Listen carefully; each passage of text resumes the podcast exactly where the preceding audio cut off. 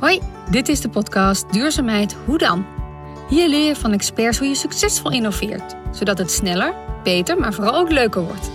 Mijn naam is Jetske Thiele. Als spreker, trainer en sociaal ingenieur help ik al meer dan 15 jaar ambitieuze professionals met het versnellen van duurzaamheid in een organisatie en met hun samenwerkingspartners. Wat heb je nodig? Waar moet je rekening mee houden? En hoe doe je dat?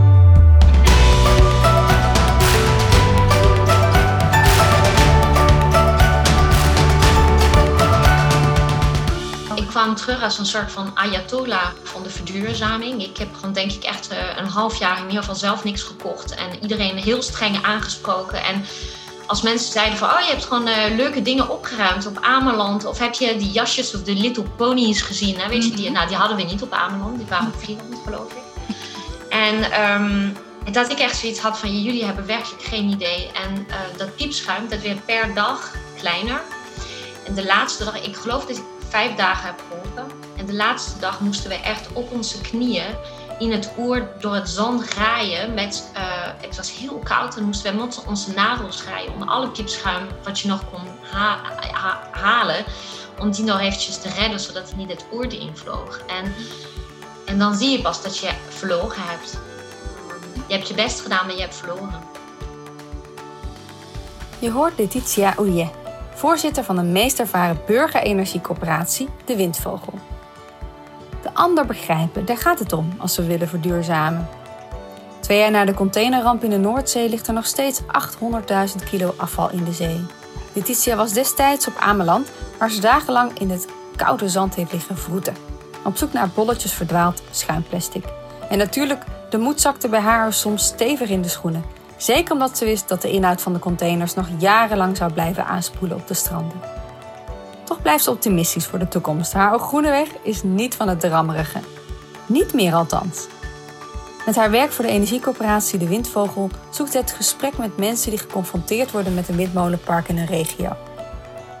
Soms komen mensen met vragen die ze niet had zien aankomen en verwondert ze zich. Hoe komen ze erbij en waarom zijn ze daar bang voor? Dat gaat er helemaal niet gebeuren. Maar dan roept ze zichzelf meteen te orde. Ze zit namelijk al twintig jaar diep in deze materie. En als dit de angst is die deze mensen bezighoudt, dan is dit de angst die tijdens een informatieavond besproken moet worden. Want dat is het thema wat leeft. In deze podcast ontdek je welke mega frustraties ze soms heeft over de politieke realiteit. Waarom het soms belangrijk is dat duurzame ontwikkeling juist lokaal gebeurt. Hoe we die burgerinitiatieven lokaal kunnen laten floreren en waarom de energietransitie niet om techniek, maar om mensen draait. Ook vertelt ze waarom je je continu in moet leven in de context van de ander. Hoe de windvogel burgers ondersteunt die wel willen, maar niet weten hoe. Op welke manier ze investeert in betere, heldere en minder dogmatische communicatie. En waarom ze de zwijgende meerderheid een stem wil geven en aan boord wil trekken. Naast haar inzet voor de energietransitie is Letitia ook hardloopcoach en hebben we het over de lessen hoe je mensen letterlijk in beweging kan krijgen. En ze schreef onlangs Het Boek van Toen, invoelende jeugdroman over pianospel, geheimen en pijn door het verlies van een vader. Ik las het in één ruk uit en raad jou aan hetzelfde te doen. Een multitalent dus, een mooi persoonlijk gesprek met waardevolle lessen.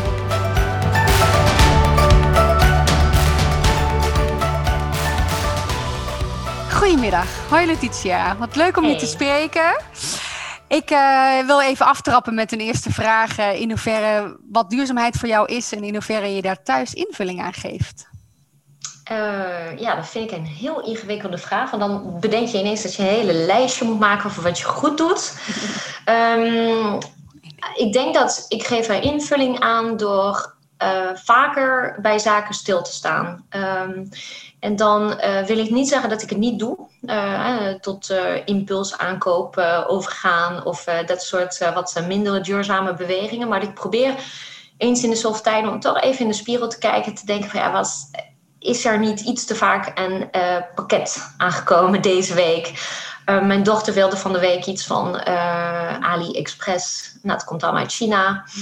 Uh, het kost niks, maar ja, transport kost ook niks. En ik weet dat transport heel duur is uh, wat betreft uh, verduur, nou ja, impact op, op, op milieu. Dus dan hebben we toch even thuis even dat gesprek. Ja, mooi. Nou, en hiernaast heb ik een elektrische auto. En ehm, En ik heb een huis waar wij zoveel mogelijk aan hebben geprobeerd te doen. maar dat viel niet mee. Nog een grote uitdaging nog. Ik denk dat we van een label Z naar label H zijn. Maar het is nogal... toen ik vroeg aan de aannemer of wij iets moesten doen aan mechanische ventilatie... heeft hij gewoon letterlijk tegen mij gezegd van... dit huis is één grote ventilatieproject. Tocht aan alle kanten. Dus dat, uh, nou, is echt genoeg. Eigenlijk is het, het huis aan zich gewoon een soort ventilatie-unit. Ja, alles ventileert. Ja, precies. het is heel gezond. Zo kan je het ook zien. Oh, mooi. Ja, en wat ik wel heel leuk vind om jou eh, sowieso te spreken vanuit verschillende thema's die ons binden. Maar waar we ook achter kwamen is dat wij uh, samen op de Waddeneilanden waren. Of in ieder geval weliswaar alle twee op een ander eiland toen, uh, toen daar de containerramp was. Ja. ik was wel even benieuwd hoe jij dat hebt ervaren. Kan je daar iets over Twee vertellen? Twee jaar geleden. Ja, twee jaar geleden kerst. Um, of net na de kerst. Ik was op Ameland. En ik volg uh, Richard Kiewit op uh, Twitter. En hij is daar um, hij is, uh, de beheerder van het natuur... nou, trouwens, hij is net met pensioen, maar hij was toen de beheerder. En hij maakte foto's. En hij zei, ja mensen, als je op Ameland bent, kom. Want het gaat helemaal niet goed. Dan was de container net aangespoeld. Of, ja. nou ja, trouwens, er is helaas te weinig aangespoeld. Er ligt nog veel te veel op zee nog. En toen uh, ben ik met, uh, met gewoon uh, mijn kinderen zijn wij ehm, gewoon ineens in de auto gestapt. En wij zijn zover als we konden komen, zijn we gewoon gegaan. Hebben we daar fietsen gehuurd. En zijn wij heel naïef met onze paar vuilniszakken gewoon gegaan. Zo van, nou, we gaan puin ruimen. Nou ja, wat we daar hebben aangetroffen, dat was, dat was zo onvoorstelbaar. En dat was dus dan die eerste dag. En ik weet dat er heel veel piepschuim lag. En hele grote platen piepschuim. Waarvan uh, bleek later dat dat koelkasten waren die waren aangespoeld. En dus de verpakkingsmateriaal begon gewoon op, op, op het strand te vliegen en te waaien. En um, en ik weet dat ik tegen iedereen riep van, uh, we moeten dat piepschuim, dit, dit moet, dit heeft gewoon... De, ja, en, je zag op dat moment dat mensen uh, vooral afgingen op uh, nieuwe paren schoenen die waren aangespoeld. En er had nog iets van een fun element die eerste dag. En... Um, en we zijn daarna is hulp echt op gang gekomen. Dat hebben ze op het eiland echt fantastisch gedaan. En uh, we werden door de Strandexpress, en dat is zo'n toeristisch busje, die, uh, die, haalt, die uh, kwam ons elke dag ophalen. En dan gingen we vanaf 8 uur of 9 uur bij lage, laag water, gingen we gewoon gelijk naar het, het Oerd. Werden we daar gedumpt en dan gingen we in een linie kilometers lopen. En we hebben kilometers aan schoenen en aan echt troep opgeruimd. En... Um, en ik weet dat wij eerst werden we dus gebracht tot zo ver mogelijk en dan liepen we terug. En dan ging je eerst eventjes zes kilometer lang rijden door puin. In een bijzonder natuurgebied. En ik, ik weet dat ik gewoon echt die eerste keer vloog me zo aan. Ik vond het verschrikkelijk. Ik heb er nog kippenvel van als ik denk aan die beelden. En die mensen om mij heen allemaal stil. Um, dat je dacht van wat hebben wij aangericht? Van ook ik bestel de schoenen en de pakketjes en de parfumetjes en de weet ik wat. En dan ligt het allemaal op het strand en dan denk je van ja, is het mij wel waard? Mm, mm. Uh, maar het ook items die je herkende dus? Die, uh... Ik heb pantoffeltjes gezien waarvan ik zeker weet, dat ik zij uh, ooit gekocht heb. Er waren stoelen van een bepaalde Zweedse meubelwinkel die ik ook thuis heb gehad. En um, ja, het was en stapels hoog, meter hoog. Het was ongelooflijk. Ja. Ja. ja. Het was heel toevallig, want ik heb uh, jouw naam in eerste instantie uh, gekregen van Luc Reuske, een, uh, een ge gezamenlijke kennis. Ja. vanuit de TU was hij betrokken vanuit Eindhoven.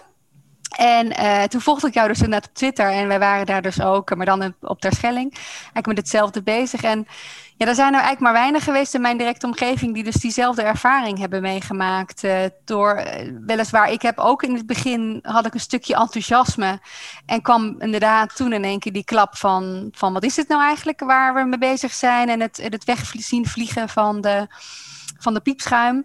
En uh, dat heeft bij mij wel echt wat teweeggebracht, ook in mijn, in mijn commitment, noem ik het dan maar even, of mijn, mijn bewustwording. Hoe, hoe heeft het jou beïnvloed? Of op welke manier? Ik, ik, ik, kwam terug als een soort van ayatollah van de verduurzaming. Ik heb gewoon denk ik echt eh, een half jaar in ieder geval zelf niks gekocht. En iedereen heel streng aangesproken. En als mensen zeiden van, oh je hebt gewoon eh, leuke dingen opgeruimd op Ameland. Of heb je die jasjes of de Little Ponies gezien? Hè? Weet je, die, mhm. nou, die hadden we niet op Ameland, die waren op Vlieland geloof ik. En, um, en dat ik echt zoiets had van, jullie hebben werkelijk geen idee. En uh, dat piepschuim, dat werd per dag kleiner. En de laatste dag, ik geloof dat ik vijf dagen heb geholpen. En de laatste dag moesten we echt op onze knieën in het oer door het zand graaien. Met, uh, het was heel koud en moesten we met onze nagels graaien om alle piepschuim wat je nog kon halen. Om die nog eventjes te redden, zodat het niet het oer erin vloog. En, en dan zie je pas dat je verloren hebt. Uh, je hebt je best gedaan, maar je hebt verloren. En, uh, en ik weet ook dat de laatste dag, toen we echt dachten van... Nou, alles is gewoon echt hè, opgeruimd, klaar. Dat uh, Richard tegen mij zei van... Uh, joh, over twintig jaar vinden we schoenen nog. Uh, er is blijkbaar een containerramp wat eerder al geweest. En hij zei van, toen hadden zij scheermesjes geloof ik verloren. En hij zegt, hij, die, nou, 40, 50 jaar later spoelen ze nog elke dag aan. Hm. Um, en hij vertelde me ook hoeveel van de containers waren gevonden. En dat, dat ja, meer, merendeel is, ligt gewoon in de Noordzee. Uh, dus dat is, ja, ik, en ik was totaal los. Ik kwam echt, fysiek heb ik, uh, ben ik eigenlijk gewoon ver over mijn grenzen heen gegaan. Ik, uh, ik kon niks meer. Ik heb ook een lift gevraagd. Op een gegeven moment ik, dacht ik, ik kan niet meer. Dus ik ben halverwege de laatste dag ben ik gewoon in zijn jeep achter gesprongen. En ik heb gezegd, ja, mag ik alsjeblieft naar huis? Want ik, ik was doodmoe. Ja. Dus dat, uh, letterlijk alles gegeven op dat moment. Ja, en, en echt vooral dat, dat, dat besef van, ja, dat was het. We hadden echt laatste punt van het eiland bereikt. Dus ik heb ooit dat einde van Ameland gezien. En te denken, ja, dit is onbegonnen werk. En we hebben het gevoel dat alles schoon is. En over een paar weken spoelt het weer aan. En uh, ja. ja. Ja, daarom. Ja, het is... Um een belangrijke les. En bij mij heeft het ook wel teweeggebracht dat hoe belangrijk het is om die zichtbaarheid en, en toch ook dat verhaal te blijven vertellen. Um, en dat de meesten het ook allemaal wel voelen. Hè? Dus uh, ook wel in, in hun onderbuik. Maar dat het ook goed is om dit soort verhalen te delen. Uh, wat je daar hebt gezien. En, en, en wat het dus eigenlijk ook concreet nog steeds doet. In plaats van het uh, krantenartikeltje te zijn. Uh, Maar in dit geval de mensen die die, die emotie ook heeft ervaren. En zich bewust actief heeft ingezet ook nog. En jij volgens ja. mij nog intensiever dan ik. Ik had ook twee kleintjes, dus twee, twee kinderen. Dus die, die, dus die zorgde ervoor dat ik inderdaad op tijd ben gestopt, maar, uh, maar wel uh, met dat gevoel inderdaad. Nee, ja. Ik had pubers, dus die heb ik helemaal afge, afgemat. Ingezet voor de goede zaak. Goed zo. Hartstikke mooi. Ja, Letitia, eigenlijk, ja, de vraag is eigenlijk natuurlijk uh, meer gericht op je, ook jouw rol als professional. In de energietransitie ben jij al jaren actief. Uh, jij benoemde net volgens mij vanaf je vijftiende al. Hoe, hoe kom jij vanaf je vijftiende in aanraking met um, het thema energie?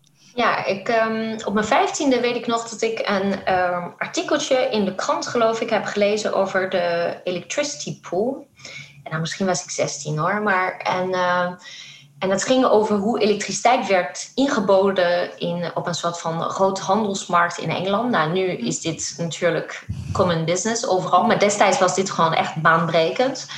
En dat ik het gewoon gelezen heb, dat ik dacht van, oh, dit is echt zo geweldig. En ik wil hier meer van weten. En, en, en, en markt voor elektriciteit. Nou, ik kwam uit Frankrijk, dus er was helemaal geen sprake van markt.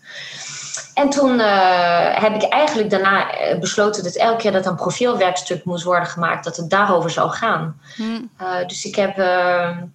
Heb uh, volgens mij één keer een uitstapje gehad. Omdat ik bij sociologie uh, moest ik gewoon verhaaltjes schrijven. Ik kon echt niet over energie gaan. Dus toen heb ik één uh, thematische uitstapje gehad. Voor de rest heb ik eigenlijk altijd eerst elektriciteit en later gas. En, en natuurlijk kwam heel snel de verduurzaming in beeld. ja. Ja, je hebt verschillende dingen gedaan, maar waar we, wat de concrete aanleiding was ook jouw voorzitterschap bij eh, de, wind, uh, de Windvogel. Zou je daar iets over kunnen vertellen wat je, wat je daar doet en hoe, of hoe dat zo is gekomen? Is misschien ook wel interessant. Hoe het gekomen is, um, ik zou tegen jou kunnen zeggen, ik heb er mijn hele leven van gedroomd. En, uh, maar het is dus niet zo gekomen. Ik uh, wist niet eens van het bestaan van de Windvogel, maar ik zat aan de ehm, onderhandelingen van het klimaattafel elektriciteit zat ik uh, namens uh, de universiteiten. En ik uh, zat naast Siward Zomer. En Siward Zomer was uh, de vertegenwoordiger van het coöperatieve, de coöperatieve beweging. Mm. En bleek later de voorzitter van de Windvogel. Omdat de Windvogel is sinds 1991 actief op dat segment. Dus eigenlijk een van de oudste coöperatie. En uh, bij deze een beetje ook gewoon de, de oma van alle coöperaties. En, en hij is ja, in die hoedanigheid aan de klimaattafel gaan zitten. En uh, in elke pauze gingen we daar steeds meer over praten. Um, ik, heb, ik ben vreselijk gefrustreerd geweest aan de klimaattafel. Het heeft niet gebracht wat ik ervan verwacht had. En ik weet dat uh, de avond dat ik mijn opzegbrief heb gestuurd voor de tafel, dat ik dacht van en nu ga ik gewoon lid worden van een coöperatie. En dat heb ik ook op Twitter die, gedaan. Wat was dan die frustratie waardoor je zei van ik, ik steek hem anders in, mijn bijdrage? Nou ja, dat ik, ik heb daar uh, anderhalf jaar van mijn leven gedoneerd. om, uh, het was heel hard werken. Ja, weet je, mensen denken altijd van ja, het is een beetje slap gaten en een, eh, zo'n tafel in Den Haag. Hè. Het is niet echt hard werken. Dat was heel veel uren, heel veel vergaderen, heel veel lezen. En uiteindelijk wilde ik daar de overheid overtuigen dat de manier van financieren en organiseren van innovatie in Nederland niet past bij de ambities die Nederland op dat gebied heeft. En, um, en ik ben eigenlijk wel, ja, hoe zeg je dat, geconfronteerd met de politieke realiteit. Dat het ministerie was bereid om ver te gaan, maar op bepaalde dossiers niet. En innovatie was één van die dossiers. Um, en dan ging het niet over de wat, maar het ging echt over de hoe. Dus de organisatie van, van de sector en van de samenwerking in de keten.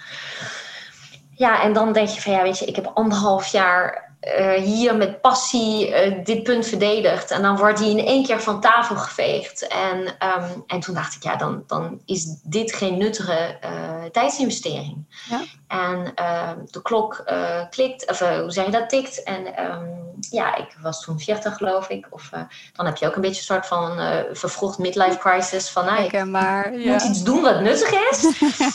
en toen dacht ik, ja, dan maar van onderaf. Mooi. Uh, en dan maar ook gewoon ja, iets zelf aan, gewoon echt zelf aan de slag. Stoppen met PowerPoints maken, maar gewoon echt even iets, iets nuttigs gaan doen. Mooi. Ja. En toen uh, bleek dat uh, Sieward vertrekkend was. En bleek dat de windvogel was op zoek naar of een vrouw of een man van onder de 30. En ik moet zeggen dat het feit dat dat in de advertentie stond, is ook de reden geweest dat ik heb durven solliciteren. Want ja, ik had anders nooit gedacht dat zo'n functie voor mij zou zijn. Dus, uh, ja. Het is, een, uh, het is geen betaalde functie, hè? of in ieder geval uh, grotendeels vrijwillig. Is, nee, jij wordt er niet rijk van. Je bestuursuren worden, zijn onbetaald hmm. en projectontwikkelingsuren worden, krijgen een vrijwilligersvergoeding. Ja. ja, en kan, kan je iets over vertellen over net die ontstaansgeschiedenis van de windvogel? Over wat je zegt, de oma van de, van de burgerinitiatieven of coöperaties in Nederland. Dus, dus wat houdt dat in? Nou, nu is het een hele goede test of ik de geschiedenis goed genoeg ken om dit te kunnen vertellen. Er zijn mensen, echt leden bij ons, die dat beter kunnen. Maar um, het is begonnen in, uh, in Reeuwijk. Um, en, uh, ja, en het is begonnen met een eigen kleine, echt als je het nu zou zien, dan is het echt een mini windmolen. En in die tijd was het echt een burgerwindmolen. Dus echt gewoon uh, de leden hebben hem uh, gekocht, gebouwd. En, dus dat hebben we een paar keer gedaan. we hebben een aantal wat we noemen onze vogels. Dus we hebben de Amstelvogel en de appelvogel en de ezelvogel en de elzenvogel. En zo hebben wij een aantal vogels. En dat zijn echt onze windmolens. Um, en nu um, is de Windvogel echt gewoon gegroeid tot een, een vrij professionele organisatie. We hebben 3.500 leden in Nederland, wat voor een coöperatie uh, best wel veel is. Hm, ja. Uh, wij hopen op, uh, op meer, want hoe meer leden, hoe meer draagvlak, hoe meer je kan doen. En wat wij nu proberen te doen is, we zijn een landelijke coöperatie. En de resten, de uh, regionale energiestrategieën, dat is de vertaling van het klimaatakkoord in de regio. daarin staat dat 50% van de duurzame ontwikkelingen in de regio moeten met lokale eigendom. En uh, ja, in sommige regio's heb je een gemeente, heb je een coöperatie die al helemaal top is, alles kan, uh, bestuurders heeft die allemaal gewoon heel veel ervaring hebben op, uh, in deze sector. Nou prima. Je hebt ook genoeg gemeentes waar een paar goedwillende burgers zijn die zeggen van nou, dit willen we doen.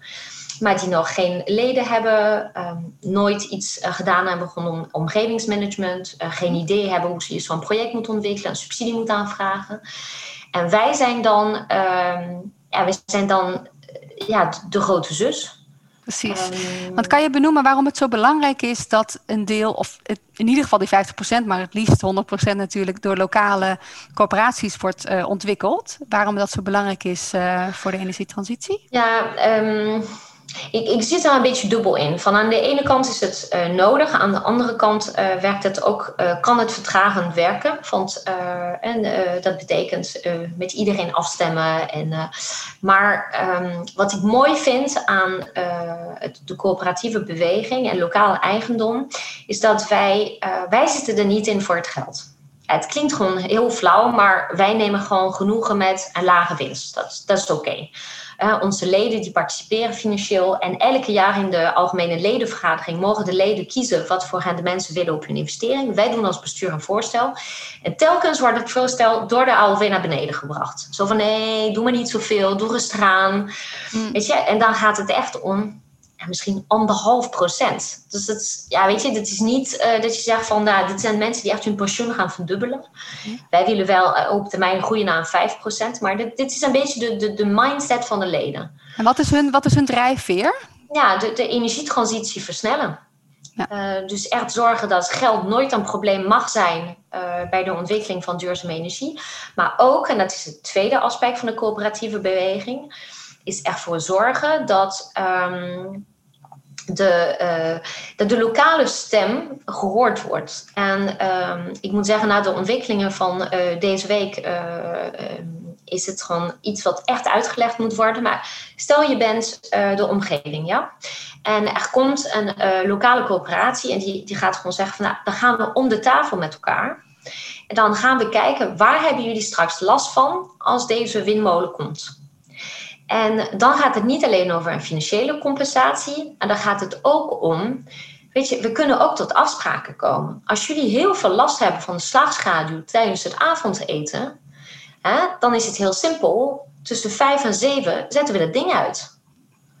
Um, als je een commerciële partij bent, um, dan zijn er twee uur per dag die gewoon echt van je business case afgaan. Wij hebben de ruimte in de business case. Een mooi voorbeeld, uh, dat je dus ook echt gaat kijken naar wat die bezwaren zijn en kijken hoe je daarin tegemoet kan komen. In plaats van met de volle 100% aan de onderhandelingstafel, zeg maar, ja. even te zitten. Ja. En we worden wel heel vaak, um, onze rol is heel moeilijk uitleggen, want als je tegen zo'n project bent en je woont in de buurt, dan heb je echt zoiets van, die coöperaties, dat zijn de groene gekkies. Hm. En die koet, koet, koet in mijn achtertuin een windmolen moeten zetten. En ik zeg altijd tegen mensen van ja, weet je, het is je goede recht om je te verzetten tegen de komst van deze windpark. Ik kan me daar echt alles bij voorstellen. Ik denk liever, altijd liever niks dan dat er ineens iets nieuws in je landschap uh, verschijnt. Um, maar ik zeg wel van ja, maar ga alvast toch met ons in gesprek. Van stel dat dit gebied toch wordt aangewezen als een locatie voor windproductie, uh, dan maar samen. Uh, en mensen denken heel vaak, we gaan niet met jullie in gesprek, van jullie zijn de groene gekkies. Jullie komen hier die windmolens plaatsen, door jullie krijgen we de windmolens, dus we praten niet met jullie.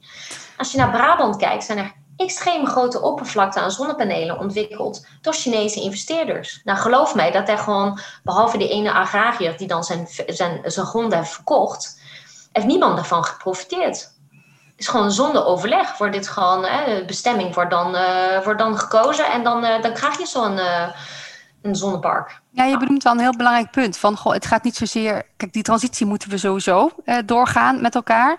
maar dan is de vraag hoe, hè, hoe dan? En dat kan je dan doen door middel van de markt zijn werk laten doen, maar daarmee dus ook investeerders of dat dan buitenland is of, uh, of, of puur bedrijf, bedrijfs, eurogerichte bedrijven. Of dat je dat, la dat laat doen door um, gezamenlijke collectieve burgerinitiatieven, ja. waardoor het ook weer terugvloeit de maatschappij. En bedoel je dat met name, dat, dat die extreme verschillen, ja. wat dat daar belangrijk en, is? En um, ik moet zeggen, we hebben gisteravond een gesprek gehad over onze nieuwe strategie. Een nieuwe voorzitter komt een nieuwe strategie bij de Windvogel. En ik heb gezegd van communicatie en het verhelderen van onze rol in deze hele ontwikkeling, dat staat echt centraal. Want als ik zie wat voor agressie wij op Facebook of weet ik wat krijgen, dan denk ik ja van jongens, weet je, ik wil altijd met mijn witte vlag komen van ik verdien hier echt helemaal niks aan. Mm-hmm. er bestaat ook wel het beeld dat wij een soort van grachtengordel zijn met veel te veel geld die ervan geniet om het uitzicht van uh, arme burgers gewoon aan te, te, verpesten. En als je echt diep kijkt in onze ledenbestand, dan zie je dat het gewoon heel vaak mensen zijn die uh, nou, niet heel rijk zijn, of die zelf een windmolen in hun achtertuin ooit hebben gebouwd. En die zeggen van ja, en nu door. En een andere motivatie, dus een ander beeld bij wat, er, wat, de, wat de externe als, als beeld krijgen bij jullie. Ja, dus, ja. dus ook om dat om te kunnen buigen. En, en heb je wel idee, belangrijk dat benoemen dat dat een belangrijk thema is, maar heb je ook al een idee hoe je dat wil realiseren? Nou, ik denk, uh, ik heb ook gezegd, hè, van we moeten minder dogmatisch gaan uh, communiceren. Bijvoorbeeld, ik had van de week een gesprek op Twitter over, moet je dan wel of niet communiceren rondom klimaatverandering? Mm-hmm. Um, ik denk dat dat het verkeerde argument is. Ik denk dat als je een gebied ingaat waarin mensen uh, zich moeten gaan verdedigen van, we hadden inspraken bij de gemeente Amsterdam voor uh, deze week dinsdagavond, hebben 140 of zo burgers zich uitgesproken. Um, en dan merk je de angst. Maar alle mensen beginnen met: ik ben hartstikke voor duurzaamheid. Ik ben hartstikke voor duurzame energie. Ik ben doordrongen van het feit dat er iets moet veranderen. Maar ik maak me zorgen over uh, windmonsters en, en uh, wat was het, insectenmappers en uh, schaduw en allemaal gewoon angsten. En dat moet je adresseren. En je moet niet antwoorden steeds met: ja, maar ja, beste mensen, klimaat verandert. Dus ja, pech. je woont toevallig in het gebied die ons moet gaan redden. Hm. Um, dus ik. Ja. ja. Ja. Dus ik denk dat je uh, moet denken van uh, jarenlang hebben wij gecommuniceerd best wel in onze bubbel. Uh, met onze leden, die allemaal zelf doordrongen zijn van, van het feit dat groene energie een goed idee is. En ik denk dat we nu even moeten, moeten gaan denken van ja, voor wie praten we nou precies? En, um, dus dat. En proberen ook gewoon um, als medewerker van de Windvogel. Ik zet onder elke haatbericht op Facebook mijn persoonlijke e-mailadres. Oh, je maakt het dus. Jij, bent, jij maakt jezelf heel erg benaderbaar. Het is niet dat jij op afstand gaat in de Ivoren nee. Toren, maar juist toenadering zoekt. Ja? ja. Hoe, hoe, bevalt dat? Want dat is ook best spannend om te doen. Dat... Ja, je, wat je merkt is dat uh, mensen zijn altijd sowieso in zo'n anonieme Facebook bericht. Ze zijn altijd uh, veel uh, agressiever dan wanneer ze jou in op één benaderen. Um, het leidt tot soms waardevolle gesprekken. Nou, andere mensen sturen mij dan een mail in caps lock uh, dat ik het allemaal niet begrepen heb en um, dat ik gewoon uh, niets begrijp van energie. Of dat ik laatst krijg ik van ja, maar u bent sowieso een man van uh, eh, 80 zonder ervaring. Dacht ik, ja, je had ook wel gewoon even kunnen googlen hoe ik eruit zie. Ja, dan weet je genoeg. dan weet je genoeg. Um, maar ja, die paar goede gesprekken die je hebt. Um, ik heb in mijn inspraaktekst heb ik tegen mensen gezegd van... kom alsjeblieft, wij hebben in Oude Kerk aan de Amstel een windpark en windmolen staan al 15 jaar. Kom, Kom op 400 meter luisteren. Kom op 600 meter luisteren. Ga liggen in het gas van mijn part. Organiseren we een soort van veldbed of zo. En kan je liggen en kijken van hoeveel van de slagschaduw zou je kunnen verwachten. Um, kom het ervaren. Ja, maar dat, dat, is dat belangrijk om dat echt te kunnen voelen en ervaren en ja. horen door daar ter plekke te zijn in plaats van alleen maar de verhalen eromheen te interpreteren. Ja. ja. Ja, en dat, dat zie je. Ik, ik weet niet of jij al mensen in je omgeving hebt die uh, getroffen zijn door uh, corona. Uh, maar ik heb de beste vriend van mijn man heeft in het ziekenhuis gelegen in die eerste periode. En ik moet zeggen dat er was voor mij een voor en er was een na. Ja. daarvoor was het ver van mijn bedshow en natuurlijk nam ik het serieus. Maar, en daarna was ik echt weet je, regels en regels. En, en, dan heb je iets ervaren. En nu is het uh, een paralleltrek die misschien niet helemaal te maken is. Maar um, en, en persoonlijke ervaring is zoveel waardevoller dan elke bericht die je in de krant leest. Ja, ja ja, niet, niet om het vergelijk met corona te trekken, maar wel die ervaring wat je zegt vanuit die windmolen. Om dat te doen, dus buiten het feit dat je de handreiking hebt gedaan, dus de uitnodiging. De, organiseren jullie ook een soort van expedities naar een bestaande windmolen, zeg maar zoiets? Ja, dat, dat deden we, maar ja, nu met corona is alles stom. Nee, dat is waar, ja. Nee. maar uh, wij hebben nu wel gezegd van, nou, weet je, bijvoorbeeld er is één raadslid, die heeft me daarna een berichtje gestuurd van, joh, uh, ik, ik ga heel graag in op je uitnodiging. Ehm, dus ja, weet je, dat is dan één op één. En ik heb tegen hem gezegd: ja, zorg wel dat je je vragen van tevoren aan mij stelt, zodat ik gewoon de, eh, de, de experts kan benaderen. Ik weet lang niet alles. Ja. Ehm, en, en, maar ik denk wel dat dat, uh, ja, dat, dat gewoon extreem belangrijk is om, om uh, de transparantie. En ook transparantie over dingen die je niet weet. Hm. Hm. Uh, want ik ben geen mooi weerverkoper. En als ik dingen niet weet, dan, dan zeg ik het ook gewoon. Weet je, sommige effecten. Ja, weet je, wij hebben nu een windmolen van weet ik wat hoeveel meter. En dan we gaan hem nu vervangen voor een grotere ja, dan, dan heb je wel allerlei manieren om een soort van beeld te vormen hoe het eruit komt te zien en hoeveel impact het heeft of zo. Maar ja, dat, dat is allemaal computer. Het is anders dan wanneer dat ding straks uh, er is. Ja. Uh, dus ja, wees daar ook eerlijk over. Ja, dat is een goede. Zijn er dingen, jij bent het voorzitterschap aangegaan. Zijn, er uh, dromen waarvan je zegt van nou, dat zal, als we dat over vijf jaar hebben bereikt, dat zou toch wel fantastisch zijn. Dan ben ik een blij mens. Uh, ik zou echt heel graag hebben dat ik één project zelf gevonden heb. Ja. Toch wel even. Um, nou, ik heb, weet je, de meeste corporaties zijn nu helemaal bezig met opslag en, en warmte en uh, het volgende. Hmm. En ik denk dat daar gewoon de komende vijf jaar nog zoveel werk zit in opwek. Um, I'm happy. Dat is gewoon, het is genoeg. Ik ben helemaal niet iemand voor innovatieve avonturen en uh, ik weet echt wel heel veel van opslag vanuit mijn, eh, mijn, mijn, mijn expertise en mijn werk.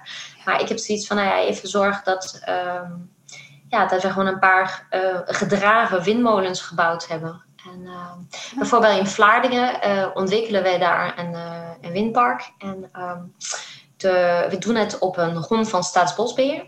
Hm. En uh, daar hebben wij het concept uh, Natuurwind uh, samen met Staatsbosbeheer ontwikkeld. En 50% van de, de, ja, de overwinst, dat klinkt altijd alsof overwinst klinkt fout, maar van wat er nog over is, zeg maar, wordt gedoneerd aan natuurontwikkeling in dat gebied. Nou, en zo zou je gewoon andere leuke combinaties kunnen doen. Dus dan, ja. Mooi, dan maak ik op die manier het cirkeltje rond, inderdaad.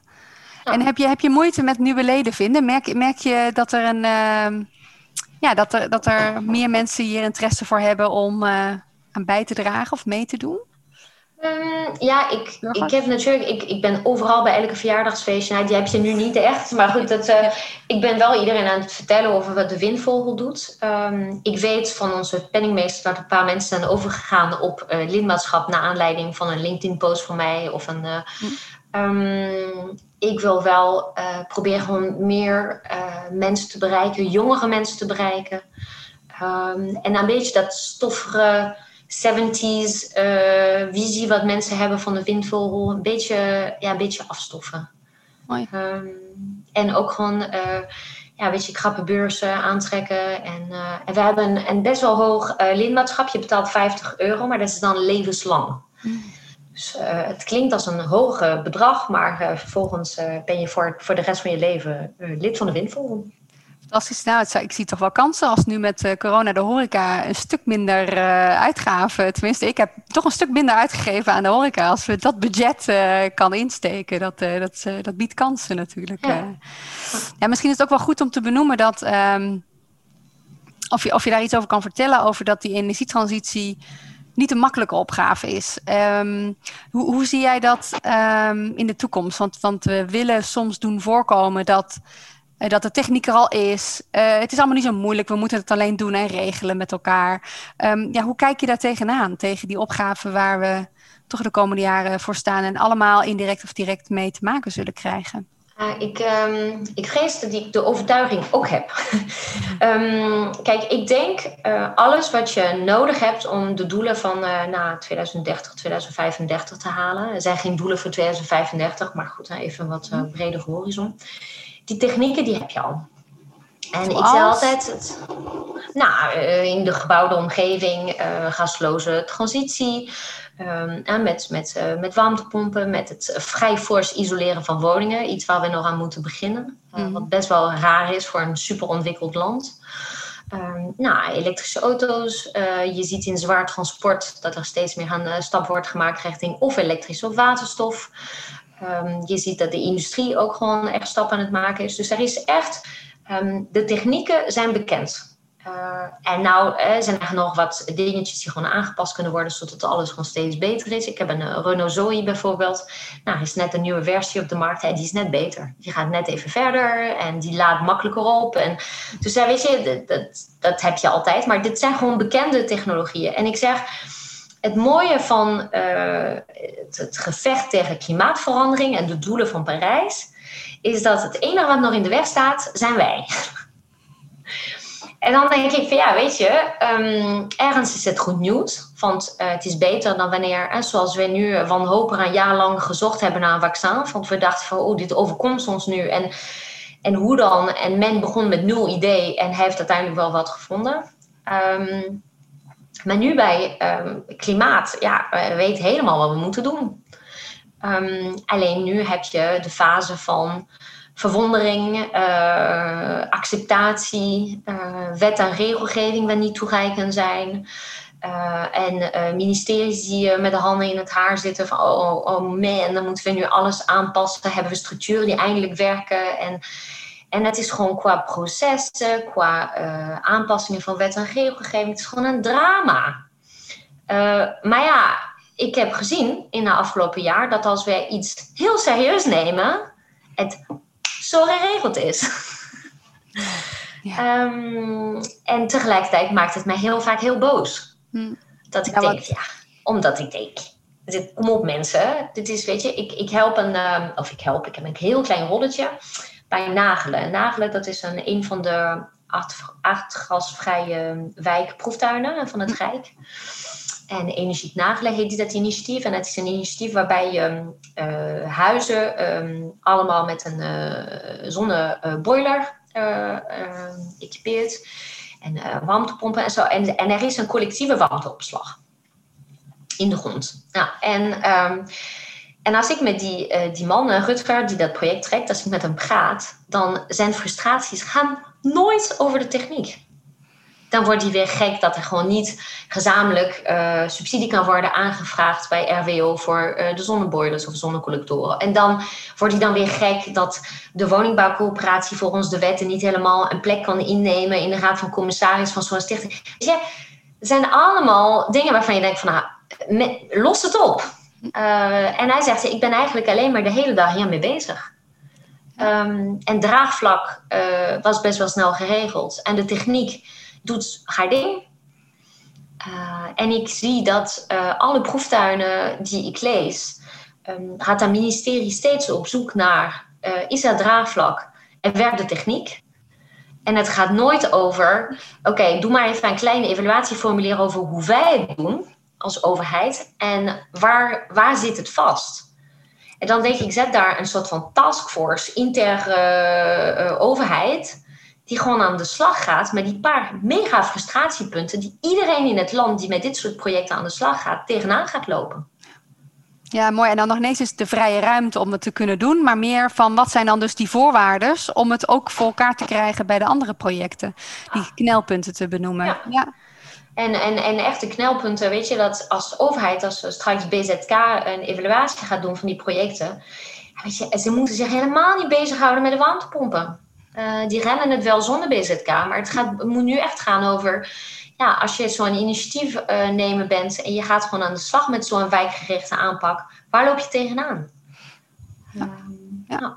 En nog een goede vraag is ook van... Nou, de projectleider waar je mee, uh, ook mee samenwerkt... maar misschien heb jij daar ook wel tips over... van hoe ga je dus om met die frustratie? Want daar kom, die kom je tegen of, of die kom je bij jezelf tegen... Heb je daar tips voor hoe je om kan gaan met die, nou, met soms die boosheid die je kan voelen, of de, on, of de oneerlijkheid of de frustraties die er ook uh, bij dit vak uh, bij komen kijken? Um, ja, ik heb het een beetje um, geleerd. Uh, hoe zeg je dat? Door schande of door. ja, dus, ja. ja. Um, ik weet dat ik gewoon de hele tijd bij het klimaat, klimaattafel zat. Ik gewoon op één punt gewoon echt helemaal de hele tijd door te drammen. Ik, ik kan enorm drammen. En dit was echt zo'n punt. Ik, ik ging gewoon maar door. En ik kwam er maar niet door, of ik had het gevoel dat niemand het belangrijk vond. Nou, maanden later zat ik in een overleg tussen twee ministeries. En dat kwam uh, over hetzelfde punt. En ze keken elkaar aan van, oh, werkt het echt zo? En oh, dat had ik echt niet gedacht. En uh, dit is echt voor mij nieuws. En ik dacht echt, hoe dan? Echt, hoe dan? Lekker maar. En, maar ehm, het was dus oprecht. Ehm, en ik moest heel erg denken aan mijn eerste baas in Nederland. Ehm, die tegen mij, die altijd hetzelfde aan het vertellen was. Hij had er echt zo'n een concept en een plan. En overal waar hij ging was dezelfde presentatie, hetzelfde verhaal. En ik dacht echt van, word je daar niet gewoon mega moe van? Je vertelt al twee jaar dit verhaal. En hij zei, ja, maar herhalen, herhalen, herhalen. En op een gegeven moment zie je mensen denken van, oh... En zegt, en, dan ga je door, dan ga je ergens herhalen, herhalen, herhalen. En ik denk dat dat ehm, het beste is om bij dit soort frustratiemomenten te denken van, of het is niet het juiste moment, of je legt het gewoon niet goed uit, of je hebt niet hier de juiste combinatie om dit te adresseren. Er mist een partner aan tafel om dit gesprek tot een, een volgende level te brengen. En dat is voor mij iets wat ik gewoon steeds tegen mezelf moet zeggen van, het is meestal geen kwaad wil ja. ja, mooi. Dat geeft ook, dat geeft ook wat rust. Uh, het, het geeft vertrouwen rust, maar, ook in de ander. Of in ieder geval het, een beetje vanuit de meeste mensen deugen. Zo van, goh, ja, het is geen kwaad wil, zeg maar. Uh, het komt uiteindelijk. Komen dit, dit, boek heeft mijn leven veranderd. Ik heb het gewoon uh, tijdens die nou, afgelopen maanden... heb ik hem tijdens mijn corona-wandelingen beluisterd. Hmm. En ik dacht, oh dit, is, oh, dit is zo een fijne theorie. En dat is inderdaad, als je het leven op deze manier benadert. En ik ben ook daardoor bijvoorbeeld heel anders op LinkedIn uh, gaan acteren. Ik heb toch zo'n premium account genomen waar ze de hele tijd mee pro probeerden te paaien. En ik heb nu uh, de YOLO-aanpak. Ik stuur gewoon mensen Vertel, wat is de YOLO-aanpak op LinkedIn? Vertel. Van, uh, ja, ik denk van, uh, nou, ik denk dat dit persoon, die heeft dat en dat in de krant gezegd. Ik ben het niet mee eens en ik kan het wel beargumenteren. Dan uh, stuur ik gewoon een bericht. En zo heb ik ehm, Constantijn Nassau van Oranje. Oh, dacht ik, hey, prins. Ja. Hè? Nee, nee, heb je, ja, kun je krijgen. Ja. Ik heb hem laatst een bericht gestuurd omdat ik heel graag met iemand anders in contact wilde komen. En ik dacht, ik ga gewoon via hem. Ja. En ik kreeg gewoon zo een aardig bericht terug. En ik, ik ken de beste man niet. En ik dacht ja, zie je, ik had net zo goed kunnen denken van, ach ja, weet je, uh, dit gaat never nooit werken. En, uh, en nu heb ik echt de YOLO-aanpak. Heerlijk. Oh, wat goed. Ik moet denken meteen aan een uitspraak van mijn oma, die ze altijd zei van, uh, brave meisjes komen in de hemel, maar brutale meisjes komen overal. als een soort van levensspreuk ook. Van dur en niet zozeer een brutaal van gemeen of zo, maar brutaal van lef en durf al, zeg maar. Doe het maar eens, ja. YOLO. YOLO. YOLO. Wel een hele goede. Die houden we vast inderdaad, ja. Ja, jij bent niet voor één gat te vangen, want je bent ook heel actief uh, als hardlopen trainster. En ik, ik ben wel benieuwd of jij daarover, ja, kan je er iets over vertellen, maar over welke overeenkomst die je ziet dus met die transitie waar we met elkaar doorheen gaan letterlijk om mensen in beweging te krijgen uh, richting duurzaamheid, maar ook mensen in beweging te krijgen uh, buiten en met het hardlopen. Ja, ik heb um, een hele tijd geleden, toen ik nog bij Eneco werkte, heb ik een keertje, um, hadden, als visie hadden wij decentraal duurzaam samen, dat was het. En, um, en ik heb een visiedag georganiseerd. En um, een van de sprekers die ik geregeld uh, had, dat was iemand die in de jeugdzorg uh, had gewerkt. En die had um, deli delinquentie, hoe zei je dat? Delinquenten? Uh, de delinquenten, ja, dus ex-criminelen, ja, ja. ja, in ieder geval. Ja, maar dan tieners. Ja. Die, uh, en die dan recidive plegen. Dus die dan in, en hij had gewoon gewerkt van hoe kan je dat aanpakken. Hm. En hij kwam met allemaal tips. En je zou je kunnen afvragen, wat heeft dit met de duurzame transitie te maken? Maar hij vertelde ook van, benader mensen vanuit hun context. Um, en jij kent de context niet, van het is jouw context niet.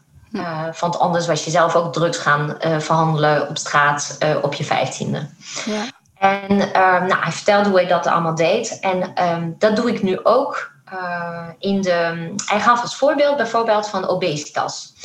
Hij zegt: uh, meestal hebben uh, dunne of gezond gewichte mensen niemand in hun omgeving met obesitas. En dan wil ik alsjeblieft gewoon iedereen die obesitas heeft vanwege een ziekte even apart zetten. Maar mhm. gewoon. en hij zegt: en mensen die obesitas hebben, hebben heel vaak mensen in hun omgeving die ook obesitas hebben. Um, en hij zegt, dit is ook context. Uh, en toen uh, mensen die een elektrische auto hebben gekocht, hebben heel veel vrienden met elektrische auto's. En het is een soort van sociale besmettelijkheid wat je hebt. En ehm, dat ben ik uh, heel erg aan het toepassen bij het hardloopcoachen. Um, je denkt in januari, ga aan de slag. Ik, ga gewoon, uh, ik ga gewoon hardlopen, ik koop schoenen, hup, uh, schoppen onder mijn, mijn billen. En ik zet het in mijn agenda en ik vertel het thuis. En dit wordt mijn plan dit jaar. Maar je hebt misschien een man die jou ondersteunt. Of kinderen die gaan zeggen van mama ga je, ga je straks even hardlopen. Het is gezond voor je. Maar er zijn heel veel mensen die thuis hebben uh, dat hun partner uh, vindt dat als de partner thuis is, hij absoluut niet voor de kinderen gaat zorgen. Uh, want hij heeft al de hele dag gewerkt. Um, je hebt mensen die niet beschikken over de financiële middelen thuis. Dus die bijvoorbeeld ook geen betaling kunnen doen online voor zo'n hardloopcoach. En anders moeten overleggen met hun man, die dat misschien niet een, een, een, ja. essentiële aankoop vindt. En, Dan heb je het ook nog, want uh, zover ik weet, zijn jouw bedragen niet heel hoog. Dus niet nee. over dat het over hele hoge bedragen gaat. Maar nee, zelfs dan kom je dat ja. tegen. Ja, ja, dat kom ik tegen. En ik zeg ook altijd tegen mensen: als je niet kan betalen, benader mij gewoon en, en dan maar gratis. Uh, ik doe dit echt vanuit een soort van missie. Um, maar ook dat je gewoon een omgeving kan hebben die jou gewoon echt niet steunt. Uh, en die elke keer dat gehardloop belachelijk maakt. Uh, over zeggen van uh, wat ongezellig dat je nu, uh, het is vrijdagavond, dan zit je op de bank met chips en wijn. Hoezo ga jij nu weer hardlopen? Wat is dit voor ja. gek? en dan, deze mensen zijn echt de mensen die mij het meest dierbaar zijn. en ik denk, voor, voor hen ga ik het gewoon passend maken. Voor hen ga ik proberen een, een recept te vinden waardoor ze ja, een stuk onafhankelijkheid gaan krijgen. Um, ja, en ruimte gaan krijgen binnen hun context om toch te investeren in hun gezondheid. Mooi, want dan heb jij een hoger doel ook met elkaar te, te ja. bewandelen of naartoe te werken. En zou je dat ook de, de, de slag kunnen maken naar duurzaamheid? Er zijn misschien ook heel veel mensen die heel veel met duurzaamheid hebben, maar waarvan de omgeving inderdaad het allemaal maar, maar gek vindt. Dus hoe zorg je voor die mensen, noem ik het dan maar even, dat zij zich ook gedragen voelen of een bepaalde groene bubbel steun nou ja, voelen uit een omgeving? Uh, dat is uh, een hele goede. Want uh, kijk, er zijn 140 burgers die nu inspraak hebben gedaan tegen windmolens in Amsterdam. maar die praten wel met hun burger, buren. En, en dan misschien dat de buren zelf denken van nou, ik steun het wel. Want ik denk wel dat het nu tijd wordt om... de kolencentrale is, wordt nu ontmanteld. Het wordt tijd voor iets anders. Maar die durven zich never nooit uit te spreken. En sterker nog, wij hebben bewijzen van intimidatie die door de mondige uh, tegenbeweging wordt gebruikt om gewoon juist dit soort mensen gewoon te, te zeggen van pas op als je de poster in je raam niet doet van uh, weg met wind. Uh, dat, dan weten wij dat je hier een beetje een shaky scheurtje in je tuin hebt die niet helemaal volgens afspraak van de gemeente is gebouwd. jij gaat eraan. En, dit is, uh, en deze mensen moeten het gevoel hebben van, uh, ja, ik, dat ik gewoon, I've got that back. Weet je, dat, ja. dat ik ze gewoon voorzie van uh, feitelijke informatie. Dat, dat zijn hele fragile relaties die wij met deze mensen hebben. Nou, ja. Maar je moet wel begrip hebben voor hun context. En ik denk dat iemand die weigert zo'n poster in zijn raam te zetten, is vele malen belangrijker voor de energietransitie dan dat ik ben. Ja, en die zwijgende meerderheid, toch een soort stem geven of een podium of ondersteunen. Of in ieder geval het gevoel geven dat ze niet alleen staan. Ja. Ja. Dat zou misschien wel eens opgave kunnen zijn uh, voor de toekomst. Ja. Of nu al eigenlijk. Dus, uh, ik heb ook uh, een hele tijd geleden gewerkt aan zo'n eh, programma Radar. Ja. En ehm, iedereen had me echt gewaarschuwd van, oh, dat moet je echt niet doen. En dan gaan er allemaal moeilijke vragen komen. En eh, straks hang je. En en het was zo'n fijn gesprek. En uh, ik weet nog, ik ben vergeten hoe die vrouw heet van Radar. Maar het was echt zo'n fijn gesprek. Op de dijk in de regen, weet ik nog. En bij Urk. En, uh, en mensen hadden zoiets daarna van... Oh, dit was echt een uitzending. We, we begrepen wel eindelijk wat jij doet. En, en het was... Weet je, het is oké okay te werken aan programma's die het probleem versimpelen misschien. Maar die het wel zo uitleggen dat mensen uh, thuis denken van... Oh, oké, okay, dit is informatie waar ik iets mee kan. Ze gaan niet rapporten downloaden van de Energy Agency of uh, weet ik wat. Nee. Ja. nee, dus daar heb ik wel een rol in, een missierol nog ook om het, om het niet, niet om het te versimpelen, maar wel om het uh, meer uit te leggen of beter uit te leggen of op een ja. bepaalde manier daar invulling aan te geven. Ja, ja en uitleggen waar mensen gewoon uh, echt vragen over hebben. En um, weet je, misschien hebben mensen vragen waarvan je denkt, hè, waar komt die angst vandaan? Dat, dat bestaat toch helemaal niet? Waar, waar hebben ze het over? En, en dat je echt moet denken van, ja, maar wacht eens even. Ik zeg dit met 20 jaar ervaring. Als dit de angst is die men wil bespreken in deze informatieavond, dan is dit de angst die we gaan bespreken, van die leeft. Ja. Um, ja. Mooi, dat zeg je over die context. Dus, dus je continu blijven verplaatsen of proberen te blijven verplaatsen in de context van de ander. Ja. ja. Mooi, ik wil graag het bruggetje maken naar, um, naar muziek. Dus in hoeverre, in, in hoeverre heb jij een nummer of muziekstuk die voor jou symbool staat voor de transitie waar we dus met elkaar in zitten en de context? Ja, nou, ik, uh, ik verklap je nu alvast dat ik ook mijn. Uh, ik heb afgesproken met mijn pianojuf. Mocht zij mij uh, overleven, dan wordt dit mijn begrafenismuziek. om, om vrolijk af te sluiten. Ja, om vrolijk af te sluiten. Ik ben uh, rek op uh, klassieke muziek. Ik heb uh, zelf um, een vinger gebroken en helaas daardoor vroegtijdig moeten stoppen met het conservatorium. Mm. Heel vroegtijdig. Maar um, Beethoven. En dan heb je een stuk en dat is um, in het Frans La Tempête, de storm. En ik moet zeggen, ik had uh, even misschien uh, moeten googlen hoe die heet in het Nederlands. Maar dat, en dat is een, een, een, um, een pianostuk. En mijn moeder zei altijd, ik vind het zo mooi hoe je handen dan over de piano gaan. En het is een soort van, je wordt heel onrustig van, van dit liedje. Het neemt je mee en het, je krijgt een soort opgejaagde gevoel. En, en daarom wil ik hem ook op mijn begrafenis, om iedereen in een, een verwarring achter te laten ik ben toch een beetje een, een stormachtige iemand. Um, en ik, ik, ja, dat gevoel heb ik altijd bij die energietransitie. Dat ik heel vaak denk van... Oh, als ik maar eventjes nu de pauzeknop zou kunnen indrukken... om mij even bij te lezen wat er weer allemaal vandaag gezegd is. En Weet je, van, vanochtend kreeg ik ook weer vijf uh, krantenartikelen die gepubliceerd zijn over Amsterdam en windenergie. En ik denk, jongens, ik heb, wanneer moet ik het allemaal gaan lezen? En zo komt er elke dag nieuwe kennis, nieuwe informatie, nieuw. En ik, ik vind het zo moeilijk om, ja, om te bolwerken. Dus ik heb steeds het gevoel dat ik in dat liedje zit. Ja, uh, ja, ja. mooi. Nou, mooie beeldspraak inderdaad. Jij, jij, ik pak hem er even bij, letterlijk het boek, want jij bent niet voor één gat te vangen. Naast uh, expert op het gebied van energie, um, ook hardloopcoach, maar ook de schrijver. En sinds kort ook uitgebracht, officieel, het, het boek van toen ik had hem al langer voorbij zien komen en ik heb hem vorige week ook besteld. En ik heb inderdaad, ik heb hem in één dag uitgelezen. het was echt heerlijk om daar even in te duiken. En, uh, en dat heeft dus ook met die piano uh, te maken. Hoe, hoe komt het dat jij überhaupt dit verhaal bent gaan schrijven? Oh man, het is een. Ik ben er zo trots op. Het is echt, uh, het is eigenlijk een beetje triest dat je dat Heerlijk. Ik zie hem weer in beeld komen. Ik denk, oh ja, mijn boek. Ja, um, dank je. Maar um, nee, ik heb um, op mijn, vlak voor mijn tiende verjaardag heb ik meegedaan met een schrijfwedstrijd. Ik was altijd aan het schrijven als kind. En mijn vader kwam thuis met een, uh, zo'n krantartikel en hij zei van, hey, hier, het is een schrijfwedstrijd, daar moet je aan meedoen.